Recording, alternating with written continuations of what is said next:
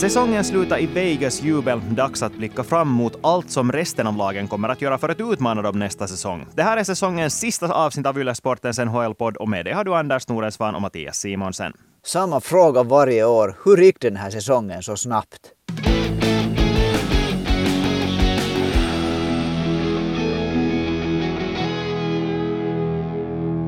Ja, det gick som vi kanske anade redan förra veckan att Vegas nog skulle fixa det och de fixade ganska snabbt Toren-segern i den femte matchen. Men det har sagts mycket, det har skrivits mycket om Vegas Golden Knights och sättet de avfärdade Florida Panthers i finalserien. Så jag tänker att vi kanske, Anders, kan börja med att titta tillbaka på säsongen så här som helhet. Så om du skulle sätta ord på helhetsintrycket helt enkelt av NHL-säsongen 2022-2023, vad är det som du först kommer att tänka på? Jag försökte lite strukturera mina tankar så det, där, det finns ju så mycket men att det där, så det blir lite, lite en lista här så avbryt mig när du blir trött på att lyssna på mig. men, jag, men jag börjar liksom, jag börjar nu från Finlands synpunkt och då tar jag, börjar med via individerna och då är liksom det som nu var höjdpunkterna att Första finländaren sen Teemu Selänne att gå över 100 poäng och göra 50 mål. Det tycker jag var fint. Sen också det att, att liksom, nu har vi för tillfälle, den här säsongen fanns det på alla olika positioner. Centrar, både vänster och högerforwardar, målvakt och backspelare som man kan säga att hör till den absoluta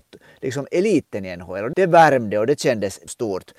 Och sen hur det var i konferensfinalerna. Tyvärr så var, blev det ju sen inte så att, att det skulle bli en finsk lig som finalen skulle präglas av finländska spelare. Men det där, i konferensfinalen så var det tre lag som hade finska första centrar och också en stark liksom, finsk prägel. Så det här är liksom någonting som, som det där, jag skulle börja säga att liksom med blåvita glasögon, så det här är någonting som jag kommer ihåg.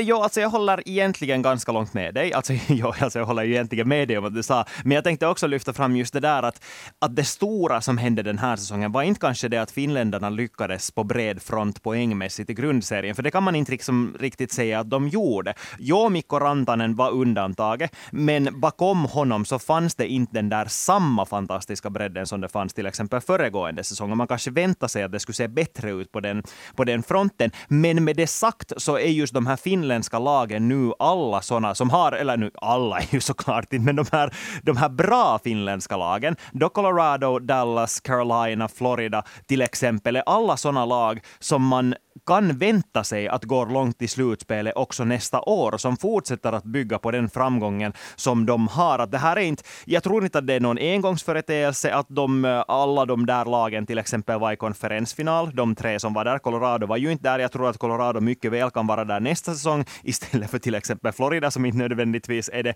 Men att det ändå liksom, när vi har blivit vana vid det här att de här finländska stjärnorna åker ut ganska tidigt i slutspelet. Det finns nog här enstaka kvar, men nu att de var med så länge som de var och spelade i så stora roller som de var. Så det är någonting som jag tror att vi ska bli vana vid och någonting som jag tror att vi kan vänta oss också nästa säsong. Om vi tänker att fortfarande så också efter finalen så var det bara, det var bara två spelare som gjorde fler poäng i slutspelet än Rope Hintz. Så Rope Hintz var ju nog en verkligt framstående spelare i slutspelet, hade 24 poäng i det skedet som Dallas åkte ut och, och lyckades ännu också där i det där, fast han fick lite kritik för att han, att han inte lyckades så bra i konferensfinalen, så i de matcherna matcherna, i de två matcherna som, som det där Dallas vann över Vegas så steg nog Rope Hintz fram i dem också. Mm. Och med det sagt så märkte man ju nog ändå att det här allmänna intresset för NHL i Finland nog genast började dala när Vegas slog ut Dallas och att Florida ganska snabbt låg under mot Vegas Golden Knights när det på något sätt ändå kändes som att det här kommer att sluta i att Vegas lyfter bucklan och ett, ett lag utan finländare än en gång lyfter bucklan så märkte man nog genast att hur viktigt det är för hela NHL-intresset att de här finländarna är med där. Just det, och ännu när Vegas är ett sånt här lag som det finns inga heller liksom sådana här traditioner. Ingen har på det sättet förälskat sig i Vegas. Det där som man i tiderna gjorde till exempel med Edmonton Oilers. Erik Haula är ju egentligen den enda finländaren som har, som har haft någon roll i Vegas. Nej, nu ska vi inte glömma att de faktiskt tog Teemu Pulkkinen i expansionsdraften också. Men, men hans karriär har ju minsann tagit en konstiga svängar efter det, så vi behöver inte tala mer om honom som nu trivs i Ryssland för tillfället. Men, men något annat då? Något icke-blåvitt? Jag tolkar det nu som att du ville säga något annat också, no, som inte hade en finländsk stämpel no, på sig. Det som jag tycker var stort egentligen var att Conor McDavid, om vi inte tar den här individuella liksom aspekten, perspektivet. Conor McDavid blev den sjätte spelaren genom tiden att göra över 150 poäng. Och det var nog häftigt, det, ska vi, det måste man verkligen säga. Och sen det här som jag har blivit liksom undra på, eller när vi också, vi talar så mycket med, med goda orsaker mycket under säsongen om, om hur, hur ett hurdant getingbo östra konferensen är och det är liksom att östra konferensen är den högklassigare konferensen. Men nu när man tittar på hur det går, så det där, av de fyra senaste mästarlagen, då har Tampa vunnit två, två mästerskap. Av de fyra senaste mästarlagen började med 2019 så kommer tre från den västra konferensen. St. Louis, Colorado och nu Vegas. Och det är liksom, det är ganska spännande. Jag kommer, du sa då någon gång, var det på hösten vi talade om det här, när vi första gången började tippa. Du sa att det laget som sen kommer ut från östra konferensen kommer att vara så mörbultat att västra konferensens bästa lag kommer att, kommer att vinna finalen. Tack för att du lyfter fram hur rätt jag hade, för det gick ju egentligen precis så. För när man fick höra om de här skadorna som de här spelarna har spelat med, så ja, såklart det fanns skavanker i Vegas också, inte går det ju liksom att sticka under stol med det. Men de här skadorna som Florida-spelarna lirar med, så det är ju alldeles otroligt. Och det är ju en följd av det att de där första omgångarna var så pass fysiskt krävande som de var, och det att man måste på något sätt fortsätta kämpa igenom små skador som leder till värre skador och så bara eskalerar det och eskalerar det. Till slut så finns det inte spelare kvar helt enkelt. En liten brasklapp ska jag ge om det, för att så var det ju nog några åtminstone, åtminstone en riktigt viktig eller stor skada ur Fordas synpunkt som kom just i den här finalen mot Vegas när, ska vi säga att Vegas visar på den punkten också att de går inte att tackla ut ur, ur finalen så att säga. Mm. Så skulle jag säga, det här är mycket sånt här, liksom, hur ska man säga, positivt spelmässigt. Det som jag nog måste lyfta fram, tycker att det, det liksom hör till vårt ansvar att, att lyfta fram det, att för mig var det nog en, en, en otrolig besvikelse och det är det egentligen varje dag, hur det äh, har totalt egentligen dött ens ut i NHL, hela den här diskussionen om, om ryska spelare, om Ovechkin eh, i det där under Ukraina-kriget. Och nu har Ovechkin igen fått ett pris under sommaren av ryska presidenten Putin för sina bedrifter. Och det här, och det här är någonting som inte, som, den, att den diskussionen helt har dött ut, hur OK det är med ryska spelare i NHL det har jag en stor besvikelse för mig.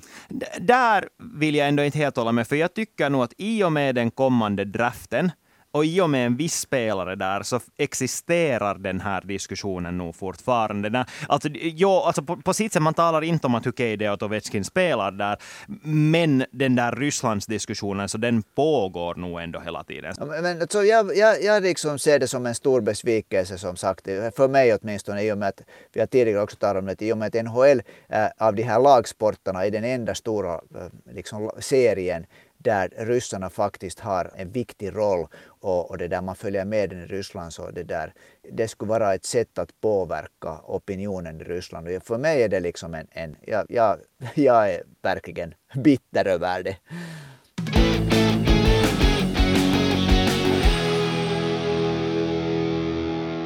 Men på tal om draften så är det ju ett av veckans stora samtalsämnen och det har vi sannerligen märkt i alla frågor som ni som lyssnar har skickat in. Och vi hugger genast i tag i alla era frågor. För, för det första så tycker Martin att vi ska prata om draften och då gör vi såklart det. Och Anton undrar, om vi börjar ur ett blåvitt perspektiv, hur ser det här ut för finländarna? När kommer den första finländaren att draftas och vem blir det? Om man får tro, och varför skulle man inte tro, på, på hockeybibeln The, The Hockey News så är det en finländare som, som har chanser att gå i första omgången just där i slutet med nummer 31 och det skulle vara vänsteryttern Lenni Hämeen Aho från Ässet. Nu tycker jag dels att det kanske skulle vara läge att ta en diskussion om Hockey News och Hockeybibeln längre, men vi kanske inte ska ta den diskussionen nu. Nej, men de är ju inte den enda som placerar honom i slutet av den första omgången i bästa fall, för det är ju det som vi talar om, att det finns inte den där supertalangen i den här finska årskullen. Och det, Lenni Hämeen Aho är det här ena namnet som man nämner som eventuellt skulle kunna gå i den första omgången. Jag blir personligen inte det minsta överraskad om han faller till och med till slutet av den andra omgången. Sen de andra namnen som kan gå tidigt, Kasper Halttunen, samma sak. Jag skulle säga att i bästa fall andra omgången. Eh, Jesse Kiiskinen, samma sak också som bäst i andra omgången, antagligen först i den tredje och om, till och med först i den fjärde omgången. Att det här är nog ett sånt här riktigt off-år för finländarna får vi nog säga. Och, och det är det som också är det där, ska vi säga, jag vet inte om det är symptomatiskt, men att av de här, de här namnen som nämns, nämns det de, liksom de kanske då sex bästa finländarna, så är det bara en som är center Rasmus Kumpulainen, Pelikan, som kanske går där precis just före 100. Och, och sen, sen en back bara och det är Emil Pieniniemi från Kärpät. Att annars, annars är det yttrar och vi vet ju nog att att centrar och backarna är ju de här, hur ska man säga, dyrgriparna när mm. det gäller. Det är ju så, men samtidigt så skulle jag inte kanske vara den som drar i någon panikbroms bara för att det ser ut så här. Men Anders, eh, håller du med? No, alltså, det där, du, du, har, du, du kommer just med ganska bra motbevis, men jag måste säga att jag funderar här på något sätt sådär lite vemodigt när jag tittar på finalen mellan Florida och Vegas när Anton Lundell och Alexander Barkov var samtidigt inne på isen. Jag funderar att det på något något sätt är det början och slutet av en gyllene period. Alexander Barkov inledde de här fina åren. Han gick som två 2013. Efter det började det rulla på med, med alla de namnen som, som har blivit liksom hjältar i Finland med Patrik Laine, Sebastian Aho, Mikko Rantanen. Anton Lundell reserverades som äh, 13 2010, 2020 och på något sätt tänkte jag liksom var det början och slutet, två centrar samtidigt på isen. Mm, nu slängde jag dig lite under bussen, för jag visste att du, du var av den där åsikten och jag har mycket bra fakta som motbevisar dig fullständigt. För, för det första, så det här är inte första gången som det här händer. Om vi tar äh, draften 2021 så var Alexi Heimosalmi den första finländare som gick och han gick som nummer 44. Att det har funnits också under den här annars så fina framgångsrika NHL-perioden ur Finlands perspektiv. Men Lundell var ju året före. Jo, men sen har vi också sen i fjol så gick Joakim Kemell som 17 spelare, vilket jag inte tycker att det är en dålig siffra heller. Vi talar ändå om en som går i topp 20, en spelare som många har höga förväntningar på. Att, att det att det nu blir ett lite sämre år, så är det bara att blicka fram till nästa år. För till exempel The Athletic har redan gjort en ranking över vilka spelare som kommer att gå i den första omgången nästa år. Och där finns fyra finländare. För det första finns det Aron Kiviharju, backen, som nu har fallit. Han var ju tidigare en som man talade om att till och med skulle kunna gå som etta i hela draften. Nu har han fallit ner till femma på grund av att den här förra säsongen inte var en fullträff för honom. Sen har vi på åttonde plats i deras ranking Konsta Helenius från Tappara. På plats nummer 20 Veeti Väisänen från KK och plats nummer 24 finlandssvenska Emil Hemming från TPS.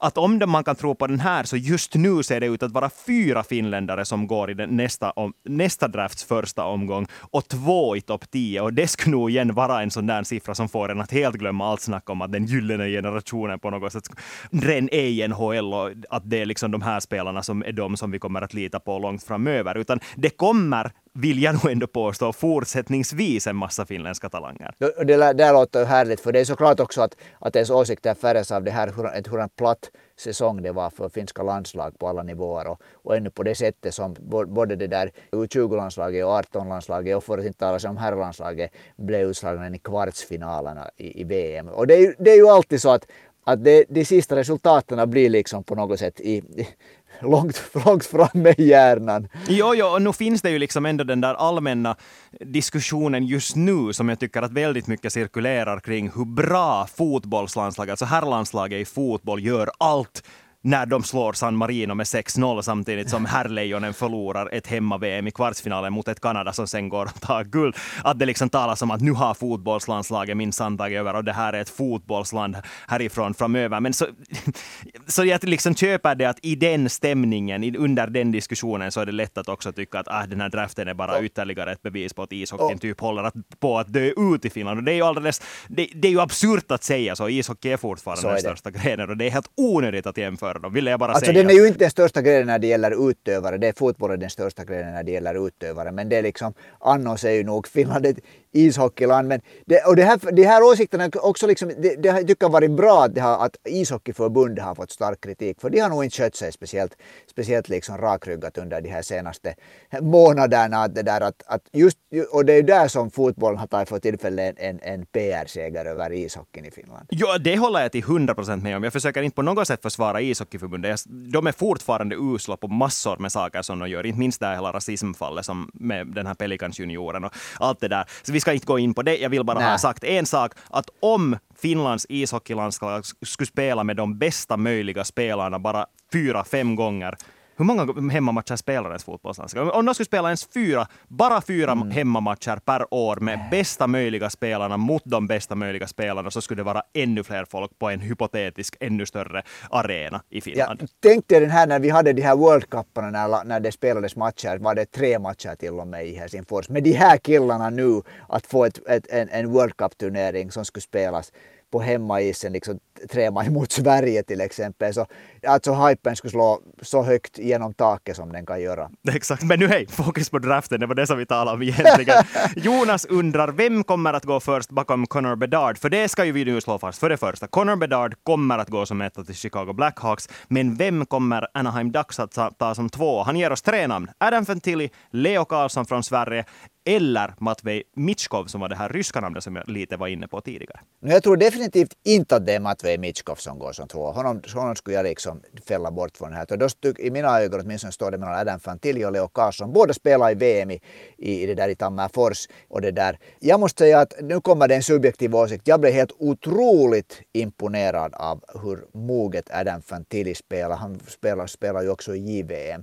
Så jag vet att det finns många som tror att Leo Karlsson kan gå före, men jag skulle nog plocka, äh, sätta Adam Fantilli före i rangordningen än Leo Karlsson. No, alltså, faktum är ju att det är inte värst många som tror att Karlsson kan gå före Fantilli. Åtminstone om man tittar på de här draftexperterna, folk från media som tycker till om vem som kommer att gå som två. Men jag läste en väldigt intressant artikel där man hade talat med riktiga NHL-scouter, alltså sådana som är aktiva inom LHL just nu. Och de sa att ja, de har lagt märke till att alla placerar Fantilli som tvåa, men att inom NHL så är det väldigt många som placerar Leo Karlsson över Fantilli Fantilli i den här rangordningen i och med att han är bättre defensivt än vad Fantilli är och att han har potential att bli en sån där riktigt, riktigt bra tvåvägscenter i NHL. Och man har till exempel jämfört honom med Mikko Rantanen som spelar typ om Rantanen skulle vara center. Det är helt klart så att det är liksom när, när skillnaden från Conor, Bedard sen kommer ingenting och sen kommer den här gruppen då som jag ändå skulle vilja säga att det är en grupp på två,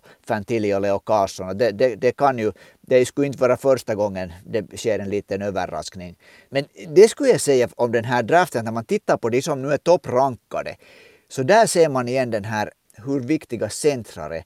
För av de sex högst rankade är fem centrar. Den enda som inte är en center är just då äh, Matvej Mitjkov, ryssen, ryssen som en, som en det där småväxt äh, ytterforward. Ja, men han är också ett väldigt intressant namn. För, äh, om vi backar bandet några år före Ryssland invaderade Ukraina, före hela den problematiken också ur ishockeyperspektiv började, så var det här en kille som han helt på fullaste allvar talar om att tävlar med Connor Bedard om att gå som etta. Att man har talat om Matvej Mitjkov som den mest talangfulla ryska spelaren sen Jevgenij Malkin. Att det de här frågetecknen kring, kring honom som existerar just nu är dels det då att han är från Ryssland, men inte kanske uttryckligen det på grund av att de är i krig, utan att det att han har ett kontrakt i KHL för många säsonger framöver och att han antagligen inte kan komma till NHL värst mycket före det kontraktet är över. Och för det andra så kommer det uppgifter från Ryssland om att Matvej Mitjkov själv ska ha vägrat träffa vissa lag för att själv försöka placera sig själv i rätt organisation i draften också, vilket kan vara någonting som sen skrämmer bort dem och vilket kan leda att han faller ganska långt i draften. Men oavsett, så den här trion, Bedard, Fantilli, Carson, Bedard kommer att gå etta, antingen Fantilli eller Karlsson som tvåa och Jarmo Kekäläinens Columbus Blue Jackets får välja den som blir kvar sen som trea antagligen. Och den här gången så tar antagligen äh, det där Kekäläinen den som, som är högst rankad i det skedet. Han gör inte på samma sätt som han gjorde 2016 när han valde Pierre-Luc Dubois istället för Jesse Pulujärvi. Mm. Jonas undrar om det finns någon svart häst och här ska jag svara att om, vi, om det finns en så får vi veta det när Jarmo Kekäläinen gör sitt tredje val. För han har ju inte direkt varit den som alltid följer de här rankingarna heller. Så det kan vara att han ser någonting i någon annan spelare som vi inte gör. Det har nu inte gått så där särdeles bra hittills, så vem vet hur det går. Men mm, ja. Jag, jag har en svart häst som inte, kommer att, som inte kommer att gå bland de tio första, men som jag är lite förvånad över att han är så lågt när jag har också sett honom spela och hur hans fysiska färdigheter och det är faktiskt eh, Kasper Halttunen. Så det där, som är, han är 190 centimeter lång och jag tyckte att till exempel i, i JVM så var han nog av de finska spelarna klart den som visade liksom de största sådana här kunskaper att individuellt kunna avgöra. Att jag är ganska förvånad över att han inte rankas högre. Mm, och jag skulle lyfta fram ett internationellt namn. Backen David Reinbacher från Österrike som spelar i Schweiz har stigit otroligt snabbt i de här rankingarna under den här säsongen och är en spelare som många ser som en som kan gå mycket tidigare än många till och med förväntar sig. Och spelar också i VM i ett uselt österrikiskt landslag men såg ändå helt okej okay ut där tycker jag. Så varför inte? Men han är ett namn som det lönar sig att hålla koll på. Och kul är det ju att det börjar komma där spelare från sådana här länder också som är riktigt högt, eh, högt rankade just från Österrike också. En sista fråga om draften. Evald undrar, är det här den bästa draften någonsin med tanke på talangen som finns? Så det är ju många som säger att det här är åtminstone den bästa uh, talangpoolen på väldigt länge, men att redan kunna säga att det är den bästa någonsin, så det är det nog helt för tidigt att göra. Ja, jag måste säga det där att jag tänker på 2015 när det var Conor McDavid, Jack Eichel och så var det en Mikko Rantanen som tia och, mm. och Sebastian Aho i andra omgången. Så den, det var nog ett år som var ganska häftigt. Det, det, finns liksom de här enstaka åren som slår väldigt högt och det är nog mycket som ska till för att det här, det här draftåret till exempel ska överträffa 2015.